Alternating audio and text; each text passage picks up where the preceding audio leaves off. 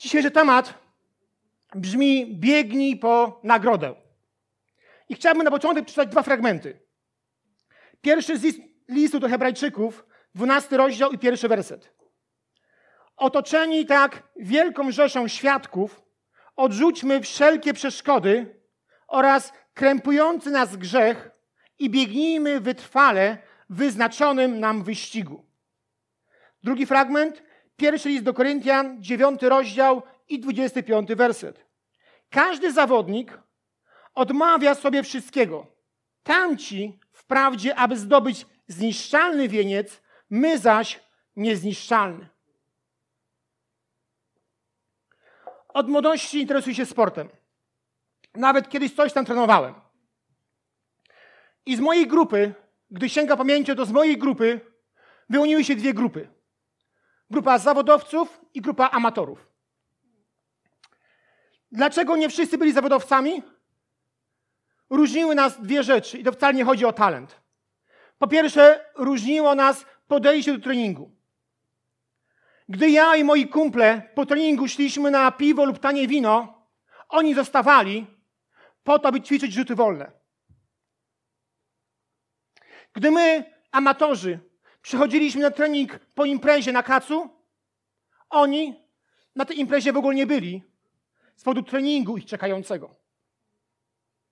Byli gotowi odmówić sobie wszystkiego, nawet osiemnastki, nawet imprezy, nawet urodzin. Tylko dlatego, że wiedzieli, że jutro jest trening i muszą być w formie. Ja tego nie wiedziałem. Mało tego, ja tego nie rozumiałem. Wyśmiewałem ich, dokuczałem im, szydziłem z nich. Nie rozumiałem tego, że byli gotowi odmówić sobie wszystkiego, aby zdobyć nagrodę. Drugim różniącym nas czynnikiem była motywacja. Dla zawodowego gracza futbolu nagrodą jest wygranie ligi czy ligi mistrzów. Dla hokeisty puchar Stanleya. Dla lekkoatlety medal mistrzostw świata czy igrzysk olimpijskich. A dla moich kumpli z drużyny, zawodowców, był awans do pierwszej drużyny i osiągnięcie sukcesu w piłce tak zwanej zawodowej. Oni chcieli to osiągnąć, oni chcieli to wygrać, zdobyć tę nagrodę. Mnie na tym nie zależało. Dlatego oni zaistnieli w świecie sportu, trafili do pierwszej drużyny, a ja nigdy tam nie byłem. Przebili się do pierwszej drużyny, oni awansowali, a ja nie. Ten przykład potwierdza, moi drodzy, że wizja nagrody jest motywacją. Że gdy myślisz o nagrodzie, która cię czeka, więcej jesteś w stanie poświęcić, więcej jesteś w stanie coś z ciebie wykrzesać, ponieważ nagroda cię inspiruje. Nagroda mówi ci o tym, warto się trudzić, ponieważ nagroda na ciebie czeka. Gdy masz motywację, gdy masz przed sobą nagrodę, myśl o nagrodzie, łatwiej ci żyć, łatwiej się spinać, łatwiej się poświęcać, łatwiej iść dalej, ponieważ wiesz, że jest jakaś nagroda, która cię czeka. Ludziom, który, którym zależy na zdobyciu nagrody, jest trudniej i łatwiej. Trudniej, bo płacą większą cenę, ale łatwiej wtedy, gdy tą nagrodę zdobywają. I tak, oglądając różne widowiska, różne mecze, widziałem siatkarza, który grał z wybitym, wybitym palcem, ponieważ chciał coś wygrać. Widziałem koszykarza, który błagał trenera, aby go nie ściągał ze składu i prosił o to, aby zabandażować mu kostkę, która była e, kontuzjowana i z, tą, e, i z tym bandażem na kostce grał dalej, bo wizja wygranej była tak pociągająca, silniejsza niż ból. Widziałem piłkarza, który w finale Ligi Mistrzów, e, skacząc do główki, ktoś go uderzył i mu nos złamał. Ale on nie chciał zejść. Poprosił o tampony, które sobie włożył do nosa, z którego krew mu po prostu e, e, leciała. I z tymi tamponami grał w tym finale. Dlaczego? Bo wizja wygranej była silniejsza niż ból. Wyglądał śmiesznie, ale nie chciał zejść z boiska, bo rozumiał, że nagroda jest większa niż ból, niż cierpienie, które teraz mu towarzyszą.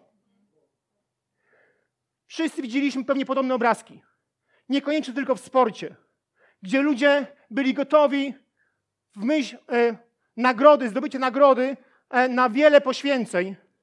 Nie chcieli zejść z biegu swojego, z trasy swojego biegu, dlatego że wiedzieli, że coś na nich czeka, że jest jakaś nagroda, która jest ważniejsza, silniejsza tego, co jest teraz doczesne. I mając to w pamięci, że ludzie królestwa muszą codziennie walczyć przeciwko siłom ciemności, musimy wiedzieć, jaki jest ten cel walki i jaka jest nagroda, która dla na, na nas czeka. Paweł mówi, że odpowiedź na każde z tych pytań jest taka sama jak w przypadku sportowca. Trudzimy się, aby zdobyć nagrodę. Pierwszy list do Koryntian, dziewiąty rozdział i werset 24. Czy nie wiecie, że biegacze na stadionie wprawdzie wszyscy biegną, ale tylko jeden zdobywa nagrodę? Tak biegnijcie, abyście ją zdobyli. W późniejszych listach apostoł Jan pisze podobnie.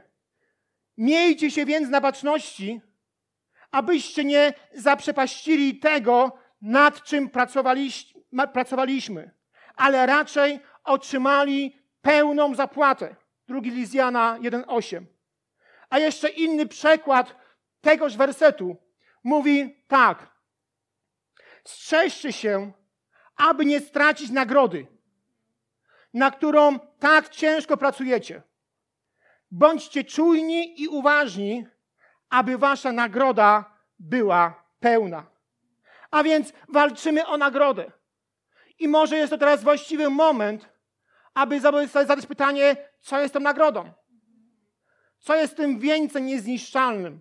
Co jest tą nagrodą, dla której się trudzimy, dla której się poświęcamy, dla której każdego dnia walczymy? Ta nagroda, moi drodzy, wiąże się z bliskością Jezusa przez całą wieczność. I nazywa się przebywaniem blisko króla.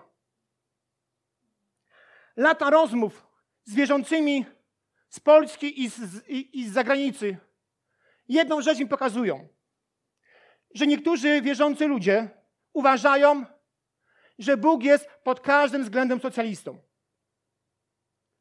Socjalistą w tym sensie, że wierzą, że każdemu Bóg tak samo odpłaci, że wszyscy taką samą nagrodę zdobędą, że wszyscy taką samą nagrodę otrzymają.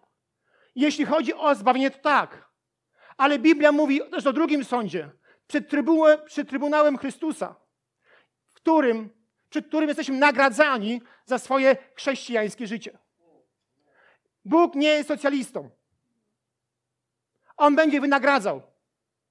W zależności od tego, jakie jest nasze poświęcenie, jak jesteśmy wierni Jego Słowu i jakie jest nasze zaangażowanie. Mimo, że Boże odkupienie jest takim samym stopniu dostępne dla każdego z nas i nie zależy od pracy naszych rąk czy uczynków, to jednak Bóg wynagradza naszą wierność według tego, jak my byliśmy wierni, posłuszni i wytrwali Jemu Słowu, Jego Słowu. I dlatego bliskość Jezusa jest największą z nagród. Bliskość Jezusa jest największą z nagród. Ona jest za dobrze wykonane dzieła. Znajdowanie się blisko tego, którego kochamy i podziwiamy, jest najlepszą z nagród, jaka można na Ciebie oczekiwać. Jest tym, czym musimy być zakochani. Pismo Święte w Księdze Objawienia 14:4, tego tutaj nie ma, mówi o grupie zwycięzców, którzy podążają za barankiem, dokądkolwiek on idzie. Podążają za barankiem, za Jezusem, dokądkolwiek on idzie. Bliskość Jezusa jest ciągła. Jest ciągle taka sama. Oni podążają tam, gdzie jest Jezus. Czy to nie jest wspaniałe? Czy to nie jest fantastyczne, że tam, gdzie Jezus, idziesz ty?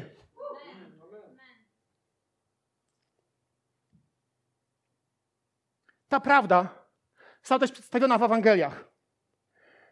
Na końcu służby Jezusa podeszła do niego wraz z synami pewna kobieta, pewna matka. I poprosiła. Ewangelia Mateusza 20-21.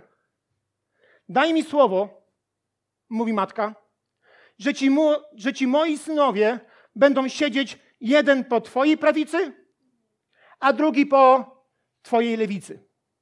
W miejscu największej chwały w Twoim królestwie. Zauważy proszę, o co prosi matka tych synów. Ono, ona prosi o to, aby jej synowie mogli przybywać blisko Jezusa w miejscu największej chwały. Biblia o tym mówi, że Jezus Chrystus będzie siedział, czy siedzi po prawicy Ojca. Więc miejsce najbliższej chwały jest tuż przy Jezusie i tuż przy Ojcu. I zobaczcie, że o to prosi go e, ta matka. Biblia mówi o potężnych aniołach, nazywanych serefinami, którzy znajdują się blisko Boga i cały czas śpiewają święty, święty, święty jest Pan zastępów. Ci potężni aniołowie nie, nie nudzą się z powodu tej bliskości. Oni nie myślą, o, jak jestem znudzony. Może teraz bym chciał przestać śpiewać i sobie trochę pozwiedzać wszechświat. Nie, oni tak nie myślą. Oni stoją blisko Boga, bo wiedzą, że nie ma lepszego miejsca. Że ta Boża obecność jest tak cudowna, że oni nawet na chwilę nie chcą od niej, od niej zejść. Oni chcą tam trwać i ciągle śpiewać i śpiewać i śpiewać. Dlaczego? Bo nie ma lepszego miejsca niż bliskość Boga.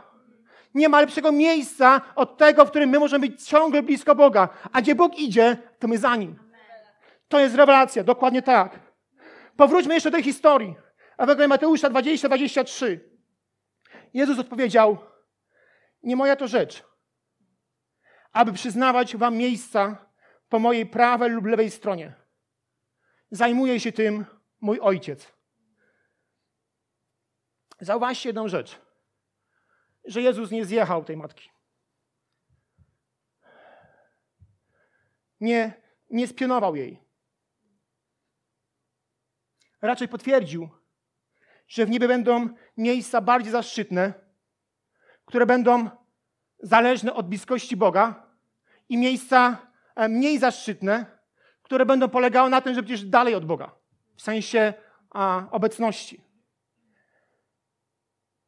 I że Bóg decyduje o tym miejscu. Oczywiście każde z tych miejsc, czy bliżej, czy dalej, jest cudowne. Oczywiście to miejsce jest fantastyczne. I to jest nasza nagroda, że będziemy w niebie. I o tym też mówi Dawid. Księga Psalmów 84:10. Wolę raczej strzec drzwi domu Bożego, niż zamieszkiwać w namiotach bezbożnych. Przykład The Message parafrazuje to jeszcze w cudowniejszy sposób. Mówi tak. Jeden dzień spędzony w Twoim domu, tym pięknym miejscu chwały, bije na głowę tysiące dni spędzonych na piaskach greckich wysp.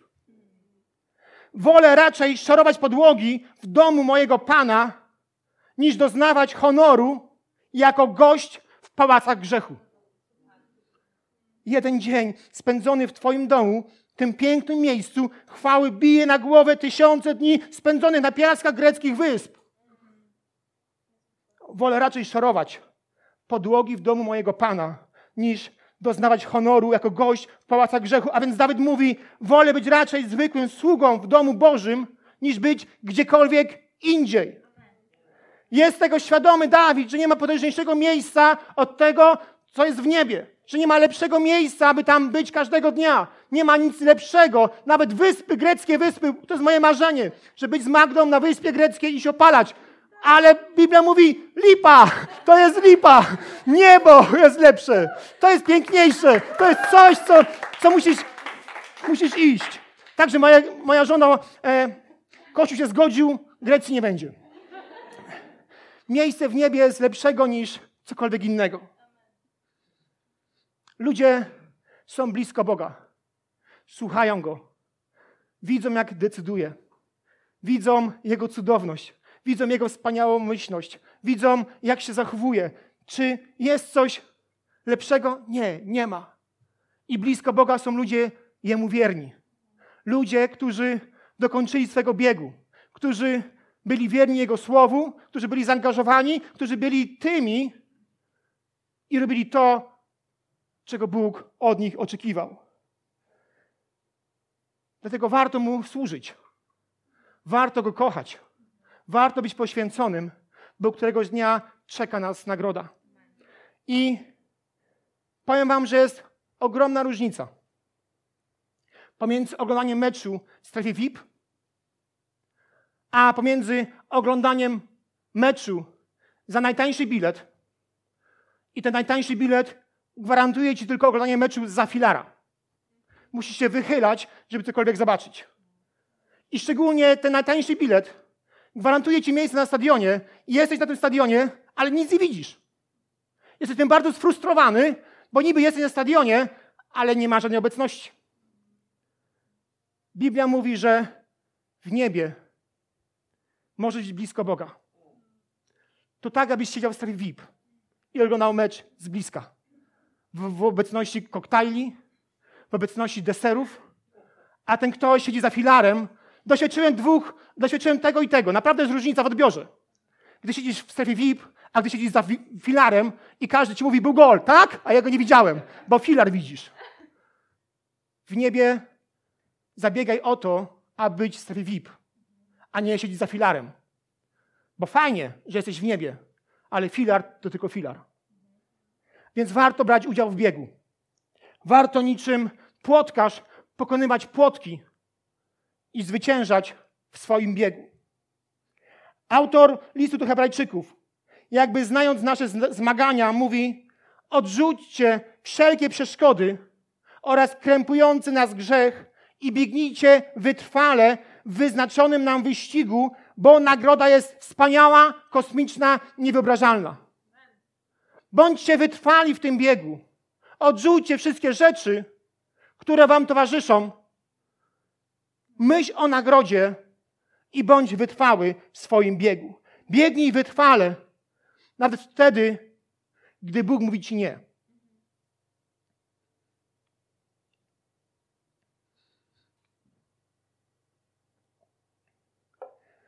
A propos, co robisz, gdy Bóg ci mówi nie? Co robisz, jak, jak się zachowujesz, kiedy prosisz Boga pewną rzecz, a Bóg mówi nie? Czy wtedy znajdujesz siłę, aby biec dalej, czy raczej się zatrzymujesz?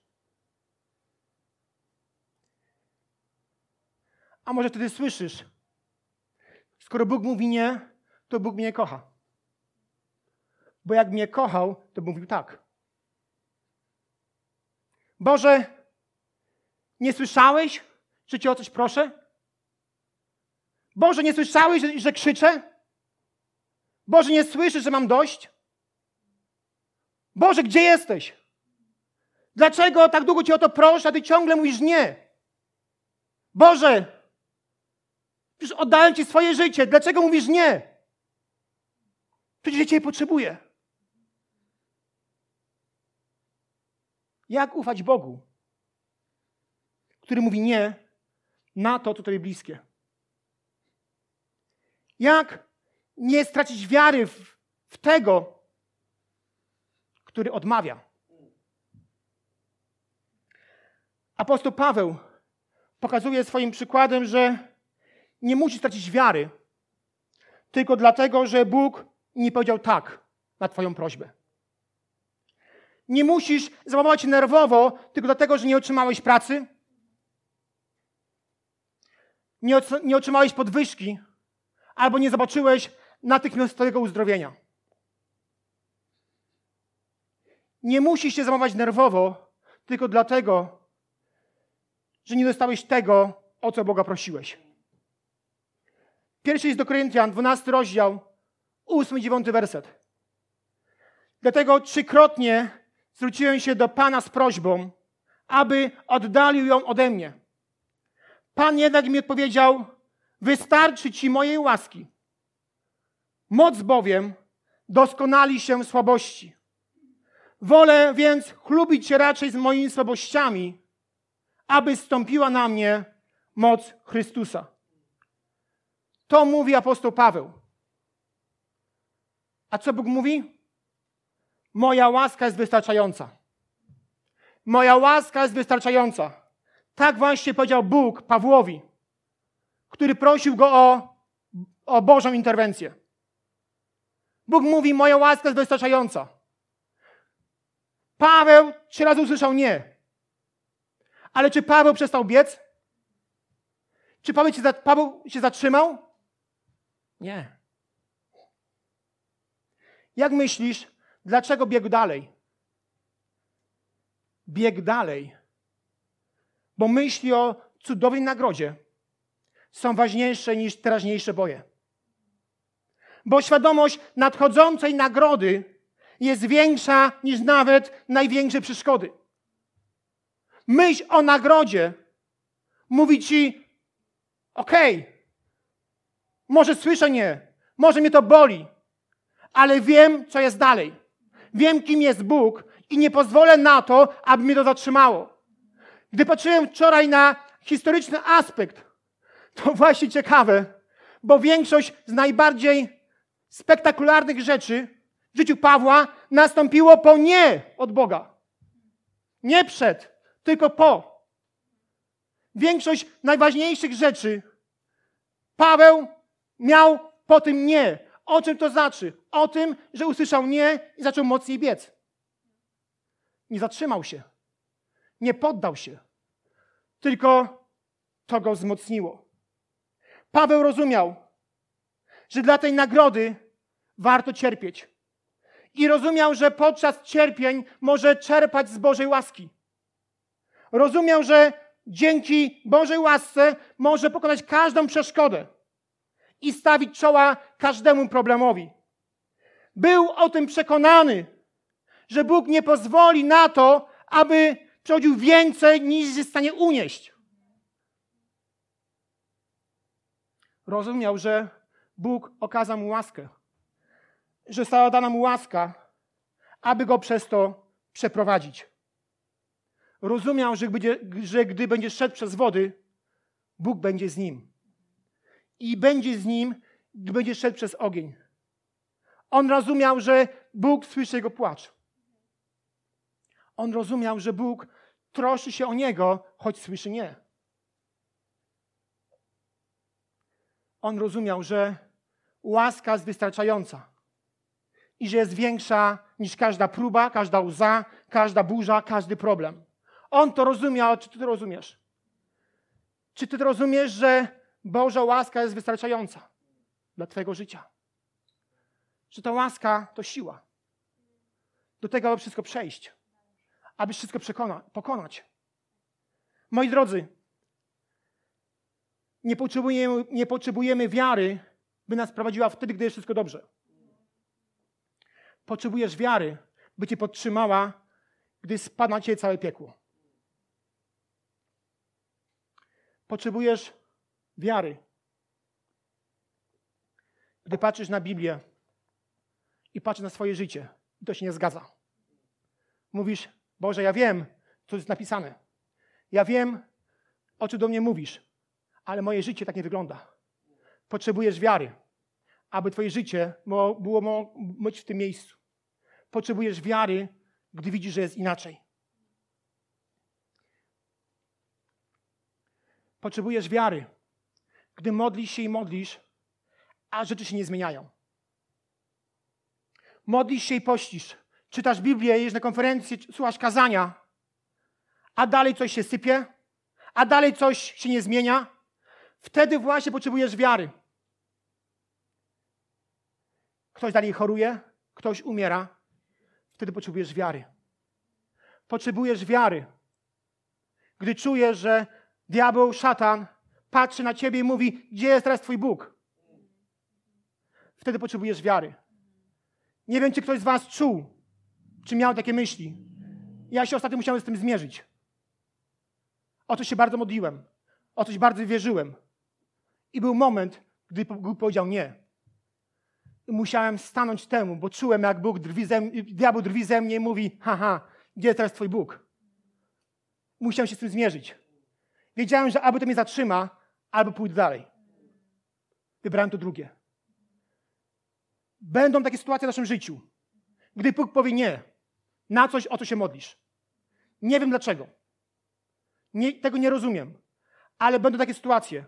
I co wtedy zrobisz? Od Boga odejdziesz? Pogniewasz się na Niego? Powiesz, ten Bóg taka ściema? Są takie sytuacje, które trudno wyjaśnić. Nawet gdy Bóg mówi nie, musimy biec. Powiem więcej. Gdy Bóg mówi nie, musisz jeszcze szybciej biec. Bo jeżeli się zatrzymasz, to się zatrzymasz.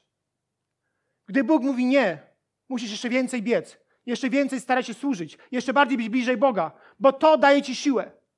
Skoro Boża łaska jest wystarczająca, to znaczy, że zanim to się wydarzyło w Twoim życiu, zdałeś ileś testów. I Bóg stwierdził, tak, sobie z tym poradzisz. Skoro On tego dopuścił, to znaczy, że podległaś jakiejś próbie, jakiejś ocenie i Bóg mówi, tak, to go nie załamie. On dzięki temu będzie żył. Bóg mówi, i to w Twojej i mojej słabości jest moja moc. I wtedy, gdy to rozumiesz, że Jego moc jest w naszych słabościach, wtedy rozumiesz, czym jest łaska. Gdy nie rozumiesz, czym jest łaska, nie masz siły nie rozumiesz, czym jest wiara.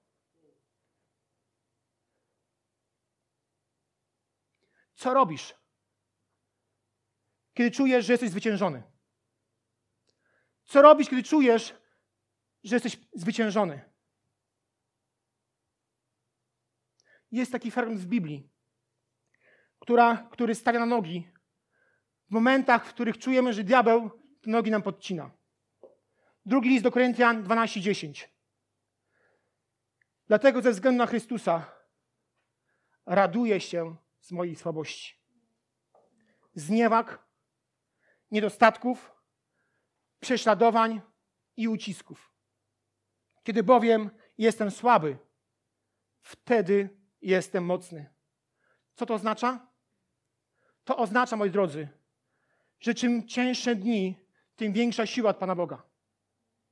Im cięższa próba, tym większa Jego moc.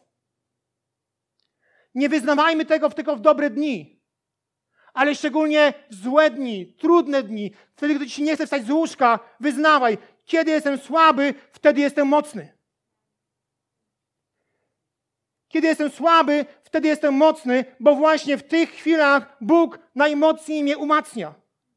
Innymi słowy, Bóg mówi: Obdarzam cię swoją siłą podczas, podczas Twoich słabości. Nie zostawiam cię w nich, ale daję ci jeszcze większą siłę niż dotychczas, po to, abyś temu podołał. Abyś za tym biegł, aby to było Twoją siłą. Bóg mówi w Twoich słabościach: Ja nie chcę, abyś, abyś jechał na swoim paliwie. Bóg mówi, kiedy jesteś słaby, wtedy ja jestem mocny, wchodzę do Twojego życia i bazuj na tym, co ja Ci daję. Wiele frustracji w moim życiu polegało na tym, że chciałem jechać na swoim paliwie.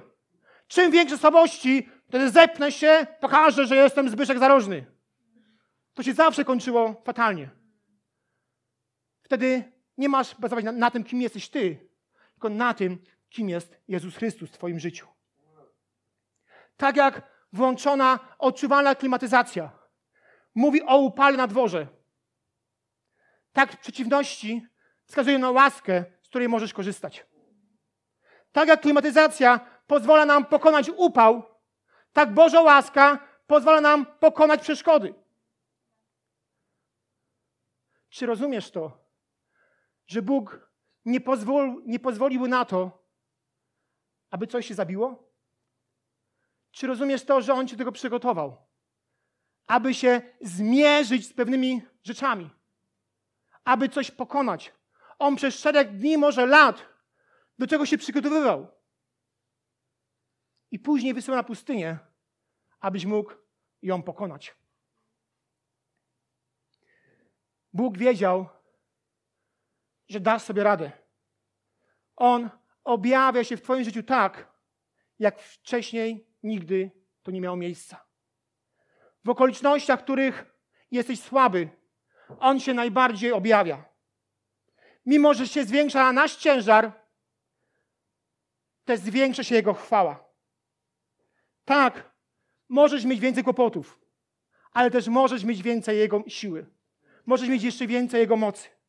Więcej namaszczenia więcej błogosławieństwa, więcej mądrości, więcej mocy, więcej równowagi, więcej wytrwałości, więcej siły, bo wtedy, gdy jedno, to jest i drugie. Gdy jesteś coraz słabszy, to jest, wtedy jesteś coraz, coraz mocniejszy.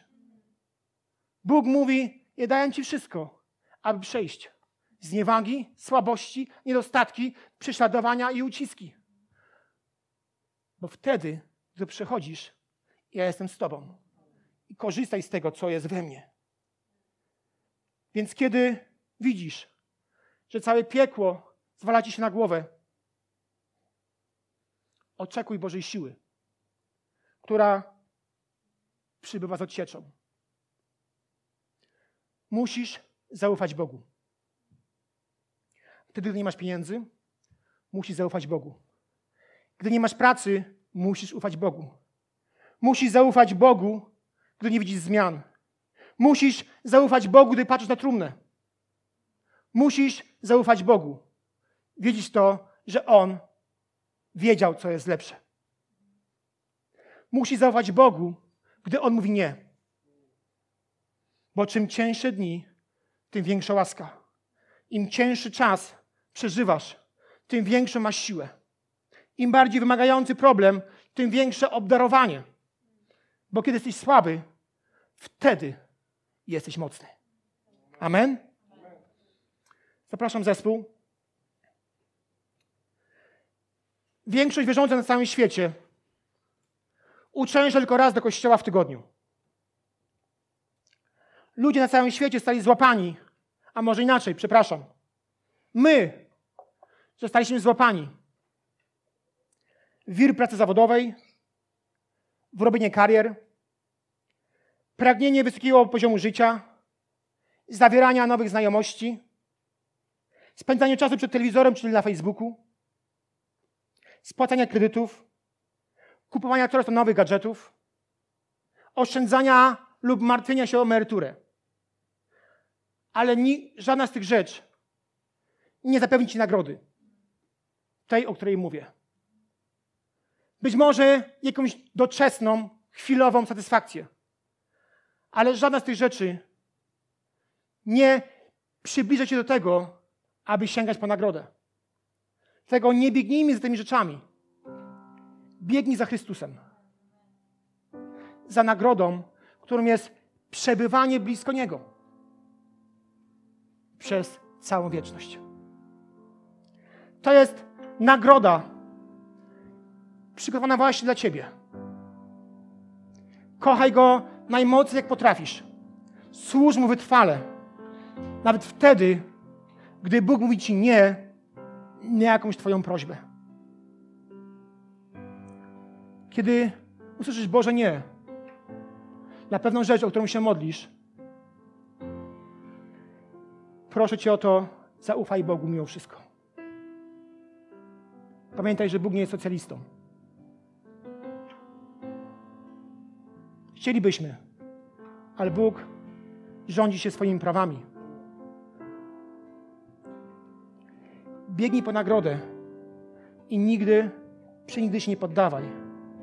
Dlatego otoczeni tak wielką rzeszą świadków, odrzućmy wszelkie przeszkody oraz krępujący nas grzech i biegnijmy wytrwale, biegnijmy wytrwale w wyznaczonym nam wyścigu. Chciałem, abyście powstali. Za chwilę Boga uwielbimy. Ale chciałem, abyśmy też pomyśleli o tym, jak wygląda nasze życie. Czy biegniesz wytrwale? Czy jesteś w miejscu, w którym biegniesz? Halo, jeszcze nie skończyłem. Czy jesteś w miejscu, w którym biegniesz? Czy jesteś w miejscu, którym się zatrzymałeś? Gdy pomyślisz sobie o biegu i o nagrodzie, to nagroda jest dużo większa niż wysiłek podczas tego biegu. Gdy ktoś biegnie w maraton w upale i zwycięża w tym maratonie, to po tygodniu, miesiącu, po latach, gdy patrzy na medal, to myśli o nagrodzie, a nie, że wtedy był spocony. Nie myśli wtedy o odciskach czy o odparzeniach, tylko widzi w gablocie medal, nagrodę i mówi sobie, było warto. Być może jest ci ciężko. Być może coś stało się z Twoją relacją z Bogiem. Być może w wyniku tego, że Bóg powiedział Ci nie, zatrzymałeś się i nie masz siły dalej biec. proszę Cię, zacznij biec. Może truchtać, ale wyjdź z tego miejsca, w którym jesteś teraz. Postój, niczego nie zmieni. Jezu, modlę się o każdego z nas. Jezu, ja modlę się o to, abyś dał nam siły do tego, abyśmy mogli biec. Boże, czuję, że wśród nas jest ktoś, kto musi na nowo Tobie zaufać. Jezu, ja modlę się o to, aby Twoja moc miłości teraz wypełniła serce i wyparła z tego serca urazy, zranienia, rozczarowania, frustracje. Ojcze, ja modlę się o to, abyś objawił się jako książę pokoju. Jako ojciec, który przychodzi i potrafi wziąć na kolana swoje dziecko, bo je kocha. Ojcze, ja modlę się o to, abyśmy teraz byli w tym stanie, w którym możemy spotkać się z Tobą i z Tobą porozmawiać. Jezu, objaw nam to, co oznacza wystarczająca łaska. Objaw nam to, co to oznacza.